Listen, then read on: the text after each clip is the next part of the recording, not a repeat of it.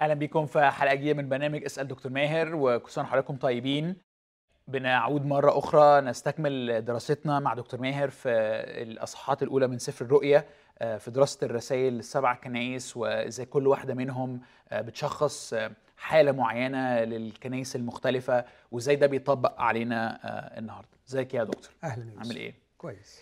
يعني خلينا كده قبل ما نكمل عايز أقول لك انطباع عندي ممكن يبقى عند ناس آه، لو متابعانا من الأول في في ال- في الدراسة بتاعتنا دول.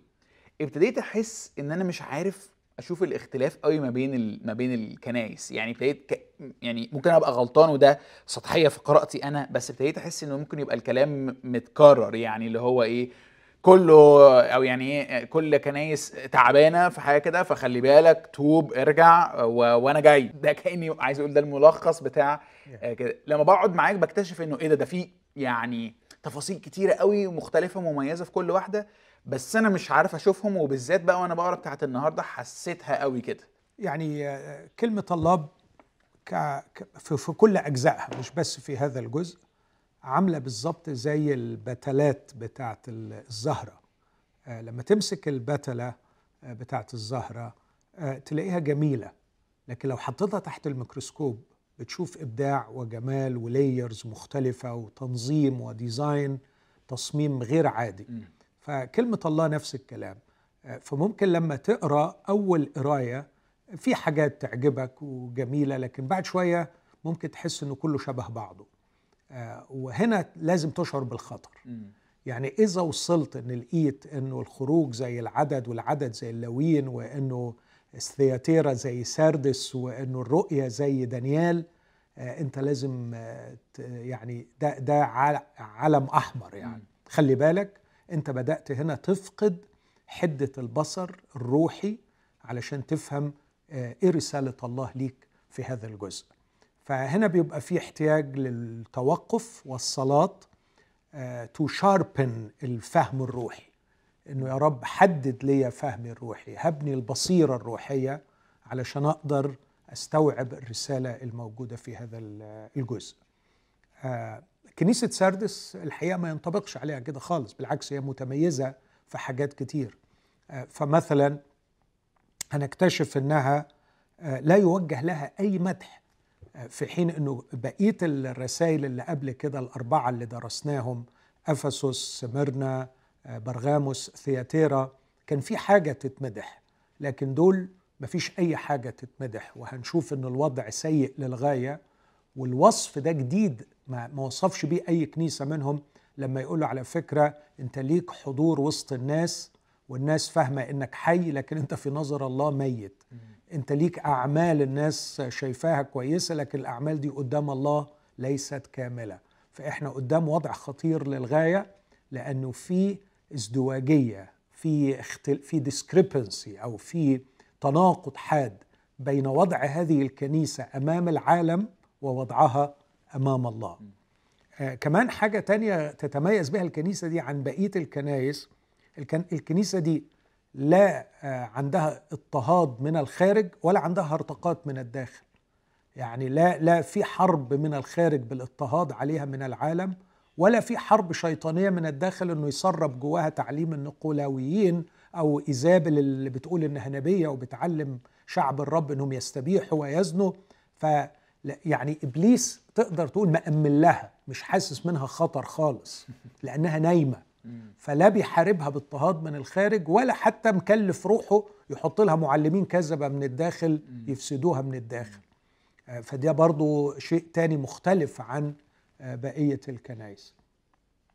طبعا ال- الصفة اللي المسيح بيقدم نفسه بيها الوعود اللي بيقدمها الثلاث وعود اللي بيقدمهم للغالب هنا ما تكرروش ولا ذكروا في أي كنيسة تانية.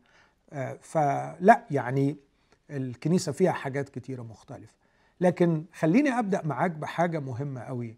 أتذكر زمان وأنا بدرس آه، كورس آه، كان اسمه آه، cultural exegesis.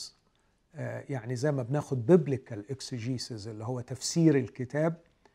كنت خدت كورس في الجامعة اللي كنت بدرس فيها إزاي تفسر الثقافة اللي أنت عايش فيها. وكانت من أول حاجات اللي خبطتني جامد paper كان عاملها واحد على ما أذكر اسمه هولينجر هولندي. الراجل ده كان بيقول إنه ال- الكنيسة كيان إلهي آه، لكن من الخطر أن نركز على الكنيسة باعتبارها كيان إلهي وننسى إنها كيان إلهي متجسد في لحظة معينة في الزمان والمكان. وبالتالي هي تحمل سمات المجتمع بتاعها. فدراسه المجتمع ودراسة ثقافة المجتمع الذي تقوم فيه هذه الكنيسة واللي هم اعضائها جايين منه مهمة للغاية لأنها تعرفك حاجات كتيرة عن طبيعة الكنيسة دي والمشاكل اللي ممكن تعدي فيها. فما زال أعضاء الكنيسة يحملون سمات المجتمع الذي أتوا منه والذي هم مسؤولون عنه أن يكونوا شهادة له. الحكاية دي أو الفكرة دي تفسر لك حاجات كتير. تفسر لك ليه مثلا الروح القدس قصد إنه يخلي تعليم العهد الجديد للكنيسة يقدم في صورة رسائل؟ آه، لأنه الحالة المجتمعية والنفسية بتاعت غلاطيا غير كورنثوس غير أفسس غير كولوسي غير فيليبي and so on لكن المبدأ ده يتجسد قوي في كنيسة ساردس. فكنيسة ساردس تحمل طابع مجتمعها كما لم تحمله كنيسة أخرى من الكنائس السبعه يعني كل كنيسة من الكنائس السبعة أكيد تأثرت بالمجتمع بشكل أو بآخر. بس مفيش كنيسة منهم مصيبتها هي إنها جايبة معاها المجتمع بكل خلينا أقول شخصيته شخصية المجتمع زي كنيسة ساردس. فأحكي لك حاجة واحدة بس.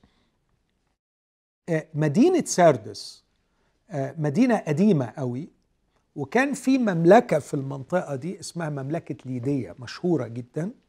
ومملكة ليديا كانت يعني مملكة عظيمة وكانت عاصمتها ساردس. وليه المملكة دي اختارت؟ إحنا أنت لو تفتكر بس عشان الناس تبقى متابعة معانا إحنا بنتكلم عن الجزء الغربي من تركيا الحالية اللي هو الجزء اللي شرق مباشرة بحر إيجا. فأدي بحر إيجا من هنا اليونان من هنا تركيا. الجزء ده اللي هو الغربي من تركيا لما بتروح عند الشرق بتروح للعراق وإيران والمنطقة دي. لكن هنا في الجزء الغربي منها اللي هو بيسموه اناطوليا الجزء ده فيه سبع كنايس وبادين كده من تحت لو بدأنا على على شاطئ البحر على الساحل الغربي لبحر إيجا بتبدأ أفسس ونطلع بالترتيب سمرنا وبعدين برغاموس وبعدين نروح داخلين لل East نلاقي ثياتيرا وننزل تحتيها نلاقي ساردس وبعدين فيلادلفيا وبعدين في القعر من تحت نلاقي لودوكية. فهم ماشيين كده زي آه، حرف U من من هنا ثلاثة ومن هنا ثلاثة ولودوكية من تحت. okay. فأنت ماشي ناحية ال East آه، ناحية الشرق. فمملكة ليدية آه، كانت واخدة من السبعة دول وكان في مدن تانية في الحتة دي. في كولوسي في هيرابوليس في في مدن تانية في ميليتوس في ترواس وكل دي كان فيها كنايس بس هو اختار السبع كنايس دول وده جاوبنا عليه ليه اختار السبعة دول بالذات؟ ليه ليديا اختاروا ساردس تبقى هي العاصمة بتاعت المملكة دي؟ لأنها كانت معروفة عنها إنه الجغرافيا بتاعتها تجعلها من الممكن بناء مدينة عليها يصعب جدا اختراقها بجيوش العالم القديم. okay. الجيوش اللي بتعتمد على الخيل وبتعتمد على المشاة آه، مبنية على جبل مرتفع في كليفت ما يقدروش يصعدوا عليه بالخيول فلازم المشاة يتسلقوا ودي عملية صعبة جدا. وكانت محاطة بأسوار منيعة. وفي نفس الوقت كان فيها مناجم. ذهب وفضة. وكانوا مشهورين بصباغة الصوف والملابس وصناعة الملابس الراقية.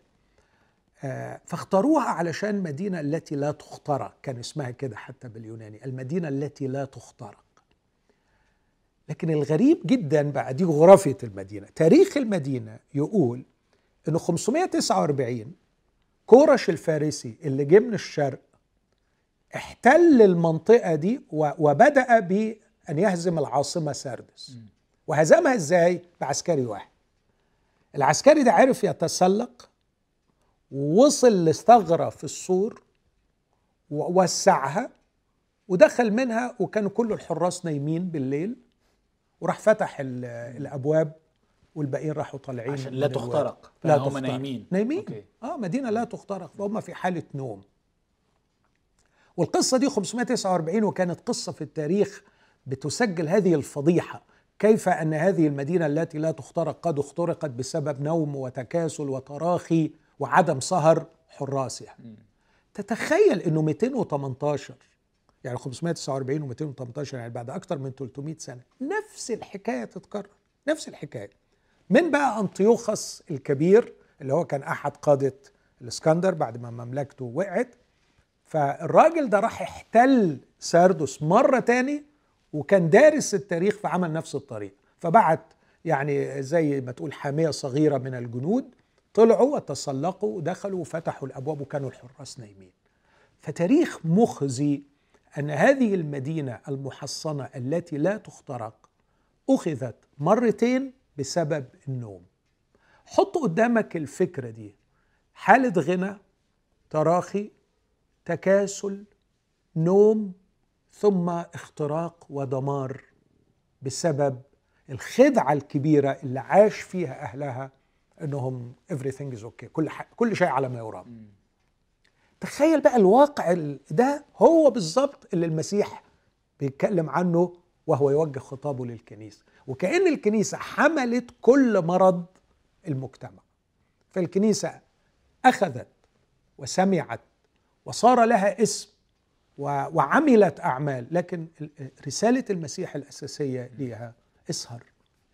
احفظ توب اصحى. أنت ليك اسم إنك حي لك الحقيقة أنت ميت. انت معروف عنك انك لا تخترق لكن الحقيقة انت اخترقت واتبهدلت واتهزمت. فدي النقطة الأساسية واللي أشجع بيها إنك لا تستطيع أن تفصل الكنيسة عن المجتمع. الكنيسة تحمل شخصية المجتمع. وإذا أردت أن تعالج الأمراض الروحية للكنيسة عليك أن تكون واعيا بثقافة المجتمع الذي تقيم في هذه الكنيسة. وفعلا هتلاقي مجتمع مثلا اللي يتميز بالعنف والصراعات الطائفية اتفرج على الصراعات جوه الكنائس. المجتمع المتسيب مع الخطايا الجنسية اتفرج على الخطايا الجنسية جوه الكنائس. المجتمع السلطوي الدكتاتوري آه، اللي بي بيعيش على الخوف والفضيلة الكبيرة فيه هي الخوف آه، هتلاقي التسلط في داخل الكنيسة. فالكنيسة تحمل أمراض مجتمع okay. حلو قوي. أنا حاسس إن أنا دلوقتي يعني كأني جاهز أقرأ تاني النص, النص. من الأول علشان يعني. هينور كده. اتفضل. طيب okay حلو قوي.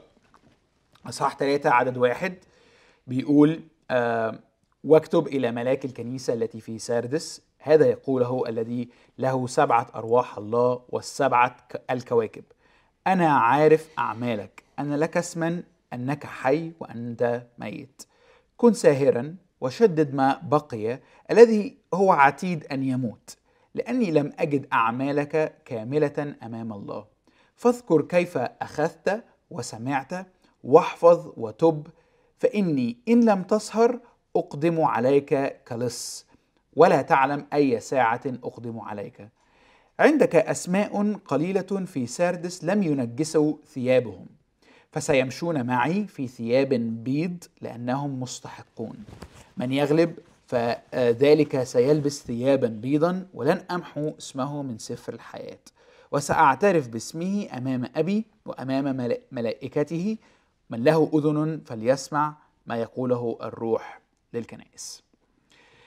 okay آه أنا عارف دايما حضرتك بتحب تبتدي آه التفسير بانك تركز على الصفة اللي اللي بيوصف اللي بيوصف بيها آه رب يسوع في في الخطاب يعني yeah. ده. فخلينا خلينا نبتدي دي لو لو ينفع. إيه آه إحنا يعني إيه المغزى من أو إيه المعنى بتاع هذا يقوله الذي له آه سبعة أرواح الله والسبعه كواكب؟ يعني هذه واحدة من من الصعوبات في سفر الرؤيا عموما آه، السبع كواكب والسبعة أرواح الله. آه، يعني على قد ما قريت لمفسرين آه، كتار محدش قطع وجزم جزما تاما لكن إحنا بنحاول نرجح أحيانا بعض التفاسير. فلو تفتكر إحنا الكواكب المفروض عارفينها؟ اللي هم الكنائس. لا صح؟ الكواكب هم الملائكه ملائكة آه. السبعة الكنائس. okay. يعني لو رجعنا بصينا في أصحاح واحد دي اللي فسرها. السر السبعة الكواكب التي رأيت على يميني والسبع المناير الذهبية. السبعة الكواكب هي, هي ملائكة السبع. السبع آه، الكنائس. okay. والمناير السبعة التي رأيتها هي السبع الكنائس. أوكي. لكن كمان في نفس الأصحاح ما دام رحنا الأصحاح واحد لما قدم افتتاحية سفر الرؤيا فبيقول في عدد أربعة يوحنا إلى السبع الكنائس التي في آسيا نعم لكم وسلام من الكائن والذي كان والذي يأتي ومن السبعة الأرواح التي أمام عرشه.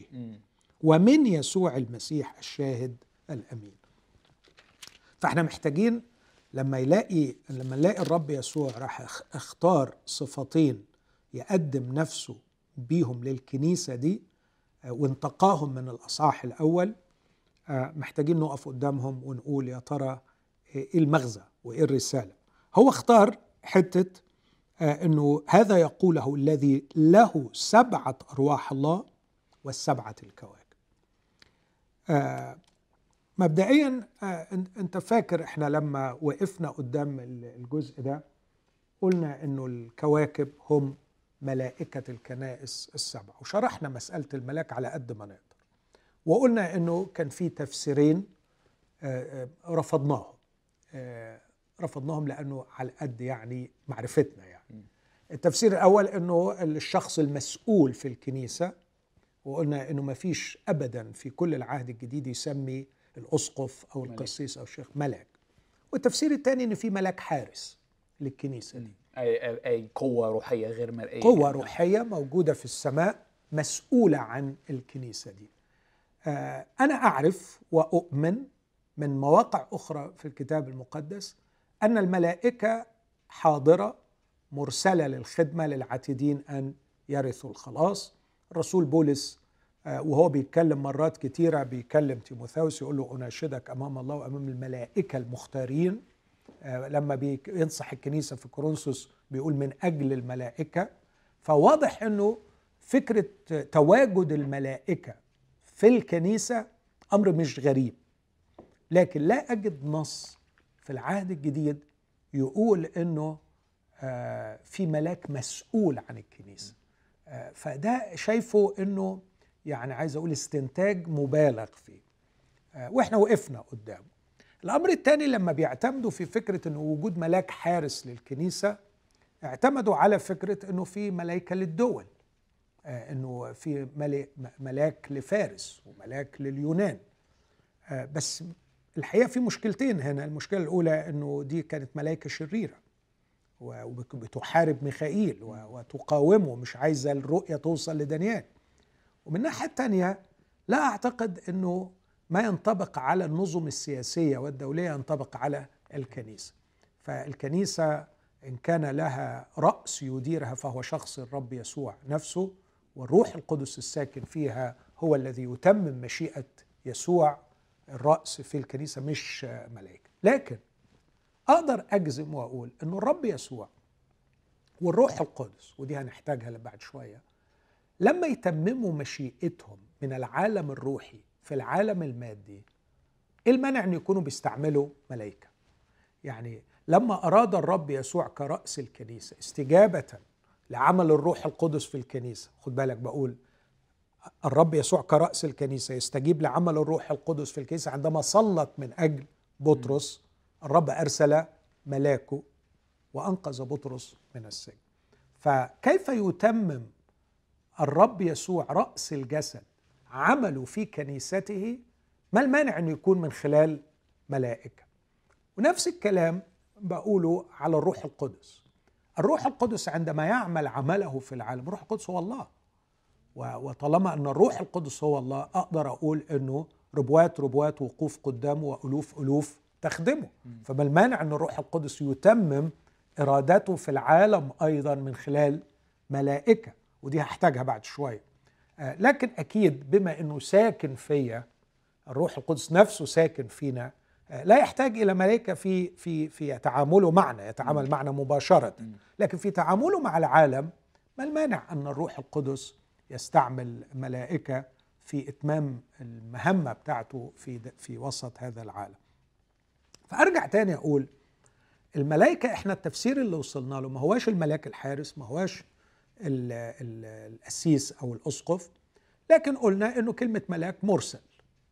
وافترضنا افتراض ليس ببعيد لأنه تكرر في العهد الجديد إنه الكنائس السبعة آه، اللي هم موجودين في المنطقة دي بس بعتوا رسل منهم سبعة يروحوا ليوحنا في بطمس. فلما راحوا ليوحنا في بطمس ما عندناش نص بيقول كده ده استنتاج. لكن استنتاج وارد لأنه ده كان بيحصل مع بولس مثلا. أيوة. رسول الكنيسة لحاجة الرسول. فلما راحوا له في, في يوم الرب اللي هو غالبا يوم الأحد أخذ يوحنا في رؤيا ودخل إلى هذا العالم الروحي وسلم هذه الرؤيا وسلمه الرب يسوع عن طريق ملاك. سلمه عن طريق ملاك. رسائل إلى ال- الممثلين السبعة فسميناهم الريبريزنتاتيفز الممثلين السبعة آه، للكنائس. فبيوجه الرسالة لممثل الكنيسة باعتباره بيجسد حالة الكنيسة. فكل ما يريد الرب أن يقوله للكنيسة يوجهه إلى الملاك. وبالتالي لما يقول الذي له السبعة الكواكب يعني سبعة الملائكة الرب يعلن أن أن الكنائس له وأنه ير- يراقب حالها له مش منفصل عنها مش بعيده عنه. له السبعه الكواكب. آه يعني له ملك له سلطان له قوة عليهم. لكن كمان يقول عنه له السبعه الأرواح. له سبعة أرواح الله.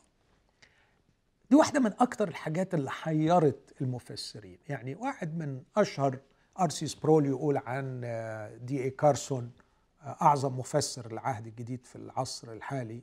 امبارح كنت بسمع لكارسون بيقول أنا مش قادر أوصل لحل في مسألة سبعة أرواح الله والحل اللي وصل له الحقيقة أنا رغم يعني كل تقديري واحترامي لكارسون آه، كأستاذي واللي علمني لكن أحس إنه غير مقنع. لأنه اضطر يلجأ لأحد الآباء في القرن الثالث لما آه، قال إنه السبعه أرواح الله هو الروح القدس في كمال عمله آه، كما ذكر في اشعيا 11 لما يتكلم عن المسيا ويقول يحل عليه روح الرب وبعدين يوصف روح الرب بسبع صفات فاعتبروا إنه هو ده سبعة أرواح الله. فاسمح لي أقرأ النص ده عشان نش- نفهم يعني إيه سبعة أرواح الله.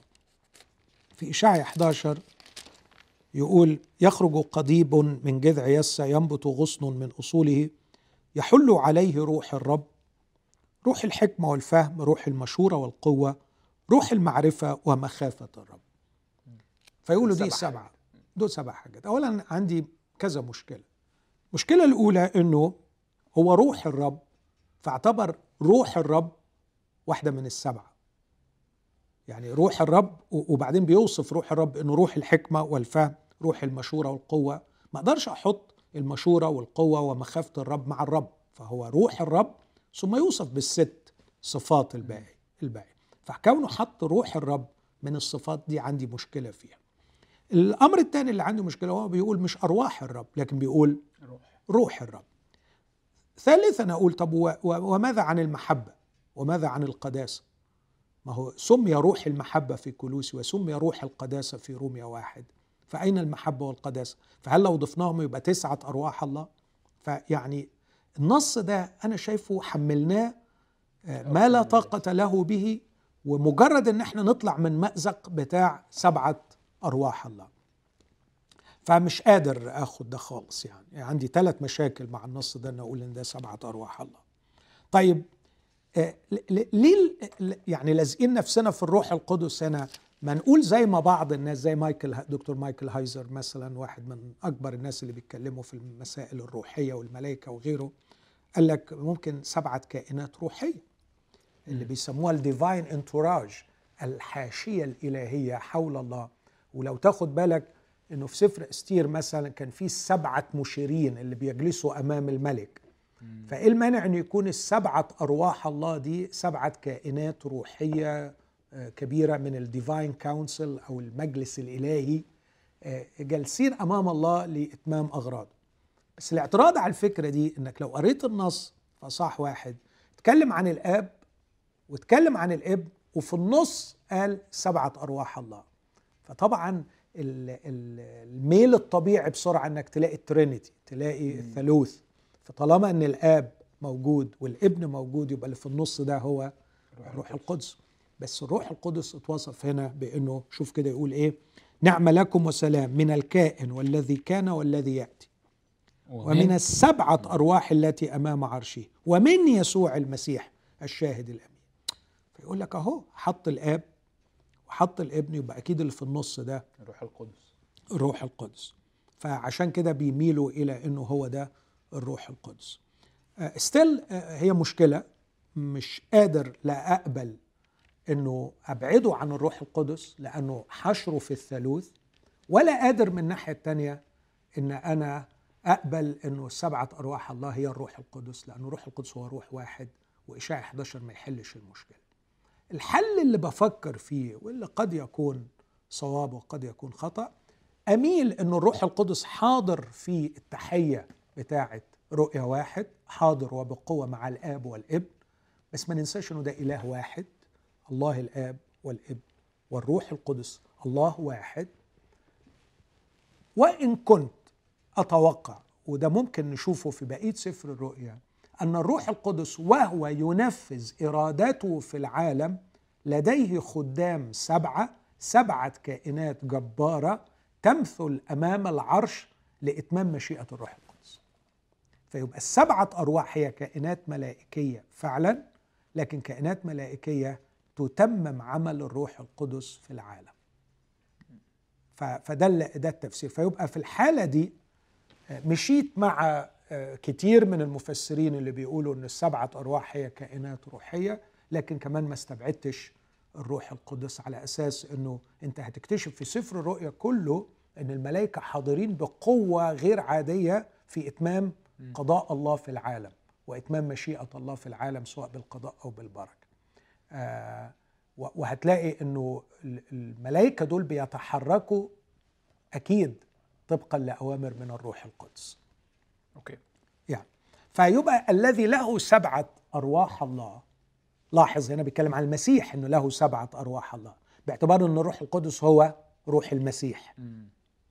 فالمسيح آه له آه هذا السلطان على كائنات روحية يستطيع من خلالها أن يتمم قضاؤه في هذا العالم. وكمان المسيح له سلطان على الكنيسة فله سبعة الكواكب. الفكرة دي اللي بيقدم بيها نفسه تتقبل يا يوسف لو ما نسيناش الخلفية ككل لسفر الرؤيا، سفر الرؤيا سفر المسيح القاضي وإحنا بدأنا الموضوع بتاعنا بكده. بس في اصح اتنين اصح واحد بيوصف لنا المسيح القاضي اصح اثنين وثلاثة المسيح القاضي في حكمه على الكنيسة من اصحاح أربعة أربعة وخمسة هنلاقي اللي اللي بيسموه اللو سوت جنرا الوصف بتاع غرفة العرش وصف قضائي.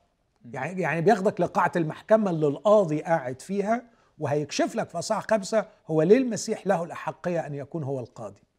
لأنه ذبح فيبقى صح واحد بيوصف صفات المسيح القاضي اصحاح اثنين وثلاثة بيوري لك المسيح القاضي مع الكنيسة وبعدين ياخدك في اصحاح أربعة وخمسة يوري لك قاعة المحكمة التي يجلس فيها هذا القاضي وابتداء من اصحاح ستة ولغاية النهاية القاضي ينفذ أحكامه مش في الكنيسة لكن في العالم.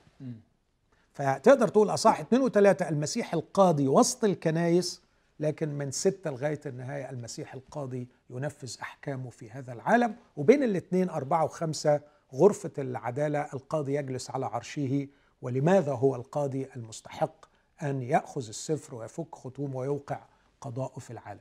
فلو أنت داخل على سفر الرؤيا بأنه المسيح القاضي تقدر تفهم شوية أهمية أنه يقول له على فكرة أنا عارف أعمالك. واللي بيقول أنا عارف أعمالك ده وبعدين بيقول له أمحو اسمه. أمحو اسمه من سفر الحياة أو لن أمحو اسمه ده قاضي. وأنا أقدم عليك كلص واوقع القضاء حلو قوي إنه أو مش يعني مناسب قوي إنه يقول الذي له الكواكب السبعة فمن حقه يعمل كده وليه السلطان عليهم والذي له سبعة أرواح الله أنا بقى معلش عشان بس أبقى متأكد أنا مش فاهم علاقة. إنه كون يسوع قاضي بربطه إنه له السبعة أرواح يعني. من حقه. آه. من حقه. يعني هو ليه هو القاضي؟ بأي سلطان وبأي حق يستطيع أن يوقع أحكام ويصدر أحكام وينفذ قضاء؟ بأي حق. له. له الكواكب السبع. هو الذي ذبح واشترى. الكنيسة دي بتاعته. الكنيسة دي مش بتاعت حد. الكنيسة دي مش بتاعت الرسول بطرس. الكنيسة دي مش بتاعت أحد الرسل. الكنيسة دي مش بتاعت لوثر. ولا ويسلي الكنيسه دي بتاعت المسيح. واللي ليه الحق إنه يحكم ويرسم ويقضي في الكنيسة هو المسيح. okay. بس بس المسيح هنا مش الرأس اللي بيغذي الجسد وبيبنيه ده كلام الرسول بولس في الرسائل السبعة برضه للسبع كنايس أو التسعة أيوة. للسبع كنايس اللي في العهد الجديد. ده تعليم الرسول بولس. بولس يقدم المسيح رأس الجسد. يوحنا هنا بيوصف لنا المسيح القاضي في وسط الكنيسة. ودي ودي الحتة المنسية يا يوسف. الكنيسة النهاردة ناسية إن الكنيسة بتاعت المسيح. فبعض القادة أحيانا بيتصرفوا في الكنايس كأنهم يعني سي أو أو في شركة. ولا يعني عايز أقول رب العيلة ودي القبيلة بتاعته. لا الكنيسة دي كنيسة المسيح. والمسيح هو رأسها وهو مالكها. له السبعة الكواكب. وله سبعة أرواح الله. له سبعة أرواح الله يعني هيقدر يعمل اللي هو بيقوله ده. okay. okay. ف- فواحدة بتوصف الأحقية وواحدة بتوصف القدرة بالظبط. انه يعمل ما له الحق أن يعمله. بالضبط. okay حلو جدا. حلو جدا. يعني خلينا ننتقل على طول للحتة اللي بعدها. آه آه أنا عارف أعمالك أن لك اسما أنك حي وأنت ميت. فكن ساهرا وشدد ما بقي الذي هو يعني كأن اللي هو أصلا عتيد أو قرب إن هو كمان آه يموت لأني لم أجد أعمالك كاملة أمام آه الله. اسم يعني عايز أول فكرة عند مين؟ أنت لك اسم أنك حي وأنت ميت. اسم عند مين. يعني يعني انت سمعتك انك حي سمعتك انك بتعمل حاجات جامدة بس انت في الحقيقة ضايع وميت والحاجات الفاضلة عندك قربت هي كمان تموت وأعمالك من النظرة الإلهية مش كاملة. بس سؤالي بقى مين بقى اللي شايفها كاملة؟ يعني هو شايف نفسه. آه. ودي الكارثة. يعني عارف حكاية الموت والحياة أولا الاسم يعبر عن الهوية ال identity فإزاي أنت how do you perceive yourself إزاي أنت بتستقبل نفسك؟ آه فهي مش مش مجرد سمعة مش سمعة لا. أنت okay. أنت شايف نفسك إزاي؟ و و والنهاردة المأساة الكبيرة إنه كل واحد بياخد قراراته بيعمل أعماله في الكنيسة بناء على هو شايف نفسه إزاي مش ربنا شايفه إزاي. ومحدش بيروح يسأل ربنا كتير ويقول له يا رب أنت شايفني إزاي؟ ومفيش الاتضاع اللي يخلينا في شركة مع بعض بحيث إن إحنا نقدر ننقل بعضنا لبعض فكر الله. وممكن طبعا يعني يكون الواحد بيحب يسمع للي بيخدعوه اللي يأكدوا له اللي هو عايز يسمع فلك اسم أنك حي عند نفسه. آه، لو تفتكر حكاية آه، إنه ميت آه، وهو فاكر روحه حي زي بالظبط بتاع رسالة يعقوب. إن قال واحد أن له إيمان وليس له أعمال. فإيمانه ميت. لأن كما أن الجسم الجسد بدون روح ميت كذلك الإيمان بدون أعمال ميت. فلاحظ مين اللي بيقول هنا؟ هو الشخص اللي بيقول إن قال واحد. فهو ده تصور الشخص عن نفسه أنه حي لكنه هو ميت. أعتقد إنه آه، المسألة هنا هو اللي يسمى أحيانا النومينال كريستيان يعني مسيحي اسمي مسيحي بالعقيدة. أو مس- بالوراثة أو بال... مسيحي بالوراثة مم. مسيحي بتبني آه، معتقدات الكنيسة ومعتقدات الإيمان حتى لو كانت المعتقدات الصحيحة لكنه آه، لم تتحول آه، لا لم تتفجر فيه الحياة الجديدة والحياة المسيحية الصحيحة علشان تترجم في أعمال وقرارات فبيقولوا الايمان بدون أعمال مم. ميت. لما يقول مثلا في تيموثاوس الثانية ثلاثة لهم صورة التقوى وهم منكرون قوتها. شيء آه، عبارة رهيبة. لهم صورة التقوى يعني رايحين كنايس جايين من كنايس بينادوا بالإيمان بيحاموا عن الإيمان بيدافعوا عن الإيمان. آه، فلهم الصورة بتاع التقوى هنا يعني صورة الانتماء إلى الله والخضوع له. أوكي. بس على فكرة ما هي قوة التقوى؟ قوة التقوى هي الاتصال بالله والحياة الحقيقية في الخفاء مع الله. ما لهمش آه، القوة دي. فلهم صورة التقوى. آه، أو لما يقول مثلا عن واحدة متنعمة هي قد ماتت وهي حية. آه، يعني ال ال في, في تعيش في حالة موت. فما فيش الثمر وما فيش الأثر. ففي كلام وفي ضجيج وفي صورة لكن لما تدور بقى في الواقع قد إيه الكنيسة دي اخترقت ظلمة هذا العالم؟ قد إيه الكنيسة دي قدرت تربح نفوس للمسيح. قد إيه الكنيسة دي غيرت من حياة المنتمين ليها والأعضاء اللي فيها بحيث يكونوا مشابهين صورة ابنه ومتمثلين بشخص يسوع؟ ما تلاقيش الكلام ده. فتلاقي صورة وضجيج واسم لكن ما فيش حياة ما فيش أعمال. وحضرتك شايف يعني أنا بحاول بقى إيه أتخيل آه، وضعنا النهارده يعني إيه إيه اللي بيمنع أي كنيسة إن هي آه، تدرك الفرق ده. إنه إنه أنا آه أنا شغال آه أنا عندي أعمال. لأن دي شفنا حاجة شبهها برضو في الكنائس اللي قبل كده. بس أنا في الحقيقة ميت. يعني الدايجنوزز أو التشخيص ده إيه اللي بيمنع كنائس كتير إن هي تشوفه؟ إنك بتشتري غرض آخر للكنيسة غير الغرض اللي ربنا أقامها عشان. لاحظ إنه من الممكن جدا أن تتحول الكنيسة ببساطة إلى آه، مؤسسة دينية تقدم لك احتياجات مجتمعية ونفسية ومادية كثيرة للغاية. في حين أن الكنيسة غرضها الأساسي والوحيد هو أن يكون الأشخاص مشابهين صورة المسيح عشان يكونوا نور وملح يخترق ظلمة هذا العالم وينير في داخله. فلو الغرض ده مش حاضر أنت بتقبل تشتري الغرض ده بتقبل أعضاء ممكن ما يكونوش مؤمنين من أصله. وبتقبل إن الأعضاء اللي موجودين في الكنيسة يبقوا خايبين ويبقى حالتهم مرار ويبقوا عايشين في الخطية. خلاص يعني لأنه الغرض عندك هو نجاح الاورجنايزيشن نجاح المؤسسة الحفاظ على التراث الحفاظ على السمعة الحفاظ على الوضع مزيد من الإنجازات. لكن مش مهتم بالغرض الأساسي. إيه, إيه هو ما هو أنت إمتى هتقول إن ده ميت؟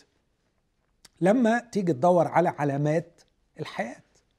لكن طول ما هو بينجز طول ما هو بيخدم غرض الكنيسة خلاص. okay. طب أنا لسه متلخبط دلوقتي ليه؟ لأنه حضرتك في أول حلقة وصفت لنا إنه الكنيسة في ساردس متأثرة بشخصية المجتمع اللي هي جزء منه. وقعدنا كتير نتكلم عن المجتمع ده الآفة بتاعته هي نوع من الثقة الزايدة في النفس اللي بتقود إلى نوع من الكسل والنوم والنعاس اللي بتخليه يخترق بسهولة بدون أي نوع من أنواع المقاومة الخارجية أو الفساد الداخلي. لكن اللي سمع اللي سمع حضرتك دلوقتي بتوصفه حد شغال حد بي بي بيعافر. بيعافر في سكة غلط بيعافر لأجل غرض آه، مش صح.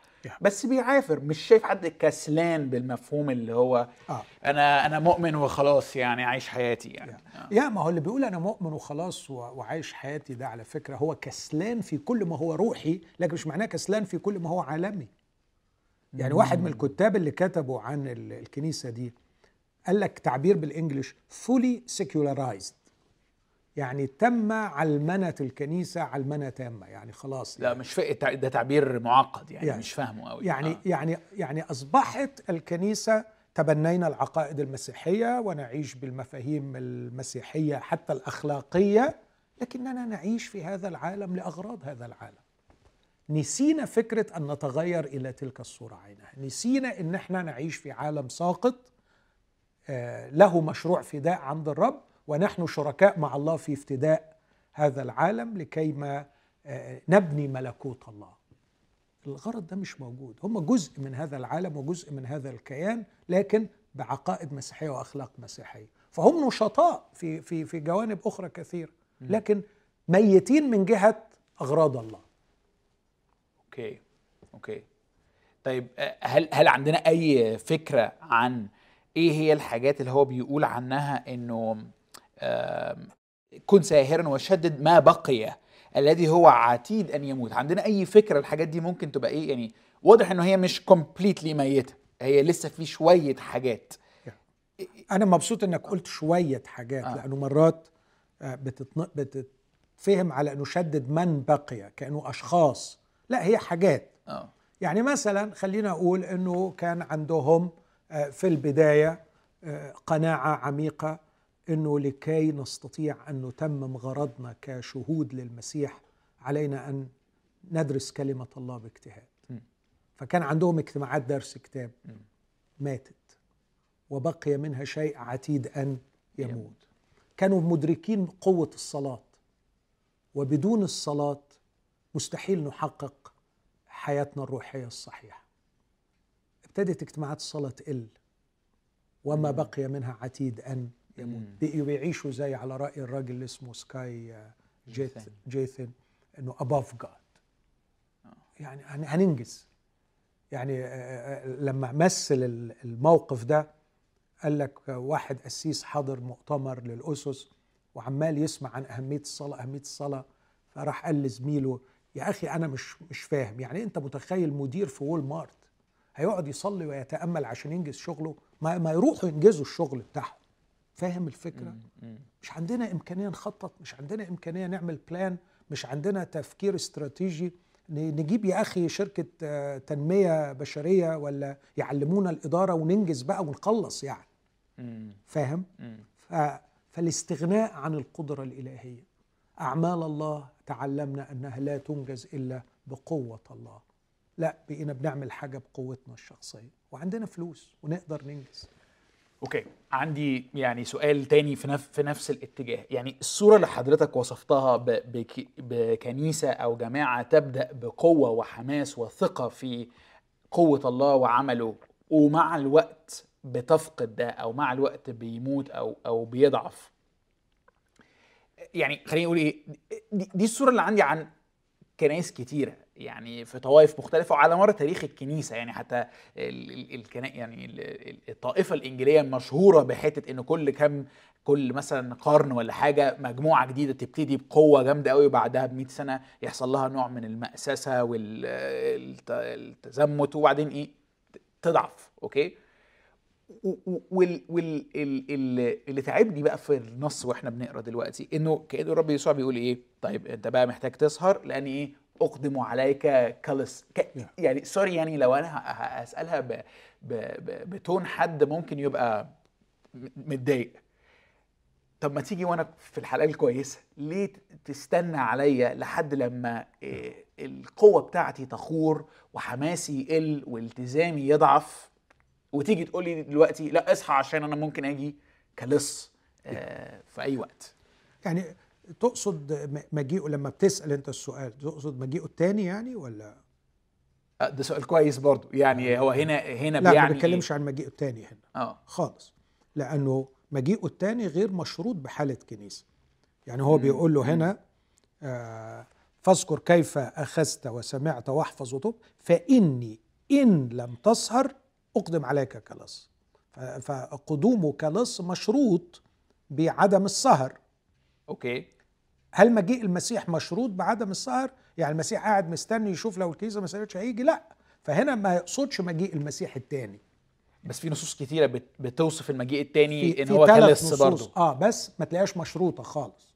مم. إنه ده هيجي وهيجي. يعني مثلا لما تقرأ في بطرس الثانية ثلاثة أو في تسالونيكي الأولى خمسة آه يوم الرب كان في تسالونيكي الأولى خمسة بيربطها بالنوم والتكاسل.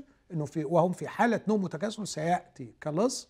وفي بطرس الثانية ثلاثة بيقصد حالة الدمار المرتبطة بمجيئه كلص إن السماوات تنحل والعناصر محترقة وبعدين تبدأ السماوات الجديدة والأرض الجديدة. okay. فكلمة آتي كلص فيها عنصر المباغتة وعنصر الدمار. تمام. في تسالونيكي ركز على المباغتة في بطرس ركز على الدمار. هنا ما بيتكلمش عن المجيء الثاني لكن بيتكلم عن إنه مجيء للقضاء. أنا هاجي أقضي زي ما قال بتاع أفسس وزحزح المنار. أزحزح okay المنار. okay ف- فهل ده معناه إن الرب يسوع ما جاش للبركة مرات عديدة للكنيسة دي؟ أكيد جه للبركة مرات عديدة. جاء كشفيع جاء ككاهن جاء كراعي جاء كمعلم جاء كحبيب وصديق ومخلص. أكيد جه مليون مرة. وهو حتى كونه يبعت الرسالة دي ما هو ده مجيء إنه يأتي إليهم بروح وبرسالة منه. لكن إذا ما أخ يعني ما تذكرتش اذكر كيف أخذت وسمعت.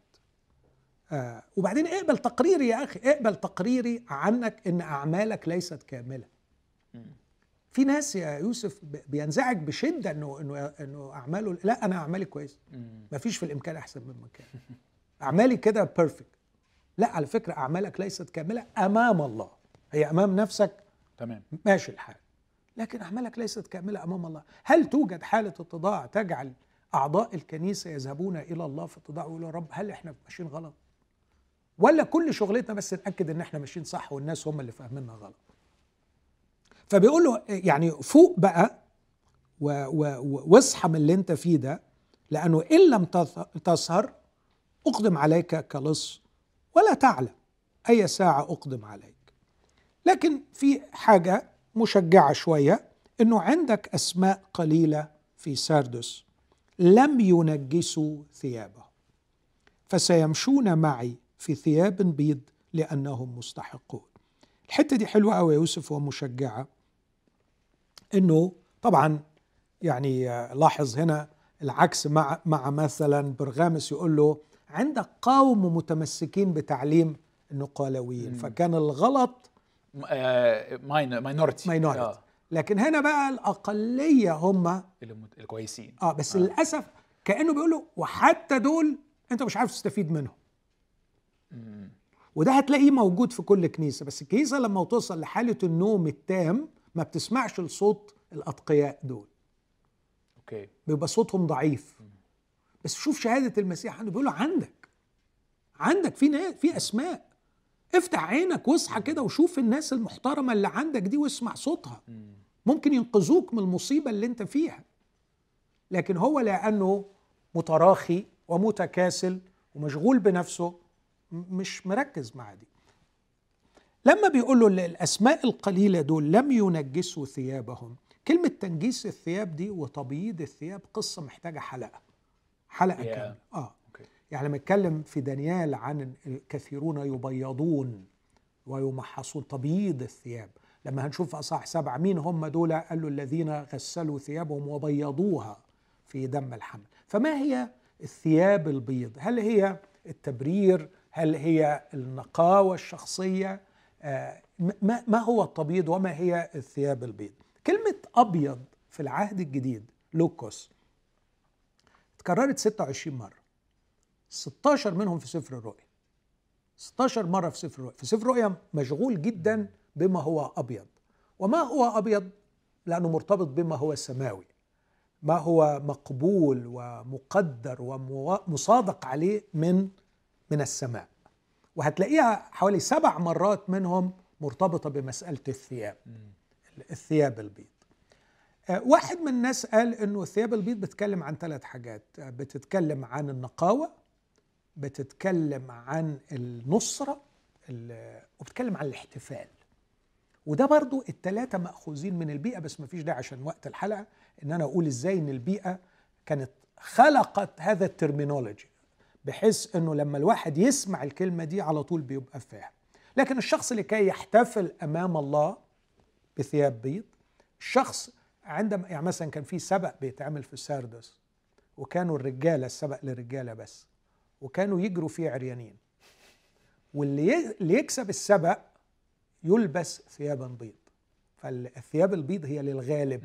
فلا يظهر خزي عرياته ويقف أمام الجمهور بثياب بيضاء. ودي هنفهمها لما نروح للودوكيه يقول له أشير عليك أن تشتري مني ثيابا بيض لكي لا يظهر خزي عرياتك أوكي. فليه بيض وعري؟ لأنهم كانوا بيجروا عريانين عشان يبقى ما عندوش أي عائق. وبعدين آه، لما يكسب يلبس ثياب بيض. والمهزوم بقى يروح يستخبى في أي حتة. آه، فبيقول له عندك أسماء قليلة في سرس لم ينجسوا ثيابهم. برضو لم ينجسوا ثيابهم كان بيتم فحص للداخلين هياكل الآلهة. لو أي واحد ثيابه ملطخة بأي بقعة ممنوع يدخل الاحتفال أمام الآلهة. سيمشون معي في ثياب بيض لأنهم مستحقون. كلام كتير قوي هنا يوسف. أنا أميل إنه الثياب البيض مش التبرير. رغم إنه في نص في اشعيا لما يقول بس دي كلها لغات شعرية رمزية يعني. لكن أميل للكلام اللي لما يقول أعطيت أن تلبس في نفس السفر بزا نقيا بهيا لأن البز هو تبررات القديسين. والتبررات غير البر. البر هو الذي أمنحه من الله نتيجة ايماني فقط فقط في عمل المسيح يسوع على الصليب من اجلي وده مش أستحقه. مش أستحق. ده بالنعمة. متبررين مجانا بنعمته بالفداء الذي بيسوع المسيح. لكن التبررات هي اللي بتاعت فيليبي واحد تسعة لما يقول أنا بصلي لكم أن تكونوا مملوئين من ثمر البر الذي لمجد الله وحمده. البر العملي. okay. بر العمل إنك بتعمل بر. بص كده يقول إيه؟ ظهرت نعمة الله المخلصة لجميع الناس معلمة إيانا أن نعيش بالتعقل والبر. البر الاستقامة. الولاء النقي خلينا أقول كده. الولاء النقي. ال loyal believing الإيمان الذي يعبر عن نفسه بولاء حقيقي لمن أؤمن به. مش مجرد إيمان بدون ولاء. إيمان بالمسيح عشان أتنطط بيه وأعمل بيه شغل واسم لكن إيمان يقودني إلى الولاء للملك يسوع المسيح. بيقول إن الناس دول سيمشون معي واعتقادي طبقا للغة اليونانية واللي بيفهموا فيها زي ما قريت لهم إنه يمشوا معايا من دلوقتي.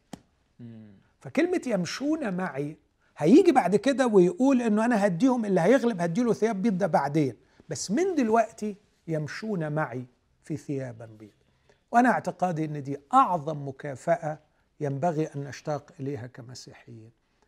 أذكرك بحاجتين حاجة في العهد القديم وحاجة في العهد الجديد. في العهد القديم سار أخنوخ مع الله ولم يوجد لأن الله نقله. السير مع الله هنا على الأرض.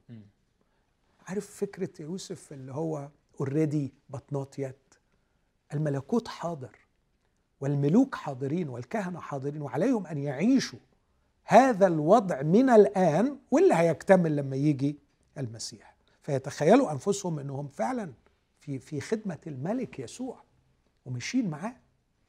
في يوحنا ستة لما قالوا له الكلام ده صعب وإزاي يعطينا جسده؟ فيقول من ذلك الوقت رجع كثيرون من تلاميذه من ورائي ولم يعودوا يمشون معه. نفس الكلمة. لم يعودوا. فيها يعني تبعية وشركة و... و... وعلاقة يعني هي مش مش مش حاجة قضائية. لا. أكتر منها حاجة علاقاتية. علاقاتية و... وماشيين معايا بس دول برضو اللي هيملكوا معايا. وده اللي هنفهمه من اللي جاي. ودي اللي إحنا قلناها كذا مرة إنه ال... يعني بحسب المشي بقى في هذه الحياة يتكون دورك في الحياة القادمة. بالظبط. آه، يعني وسعوا أو ضيقوا يعني. أوكي. يمشون معي. مم. مم. يمشون معي. بعديها على طول لما يقول لم يعودوا يمشون معه راح بص الرب للباقيين وقال لهم لعلكم تريدوا أنتم أيضا أن تمضوا؟ فقال له بطرس إلى من يا رب نذهب؟ كلام الحياة الأبدية عندك. إحنا هنروح لمين؟ ف لأنهم مستحقون. هنا في فكرة الاستحقاق لأنه ده مجهود أنت بتعمله ملهوش دعوة آه، بالتبرير اللي هو آه، بالنعم.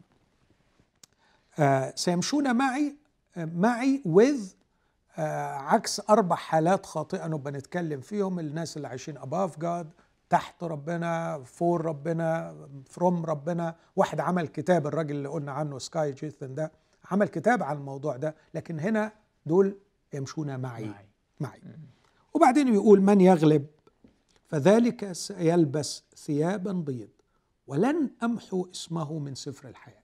وسأعترف باسمه أمام أبي وأمام ملائكته من له أذن فليسمع ما يقوله الروح شكرا يا دكتور ماهر. آه، متحمس قوي للحلقة الجاية وإحنا بندرس آه، كنيسة أخرى من آه، الكنائس السبعه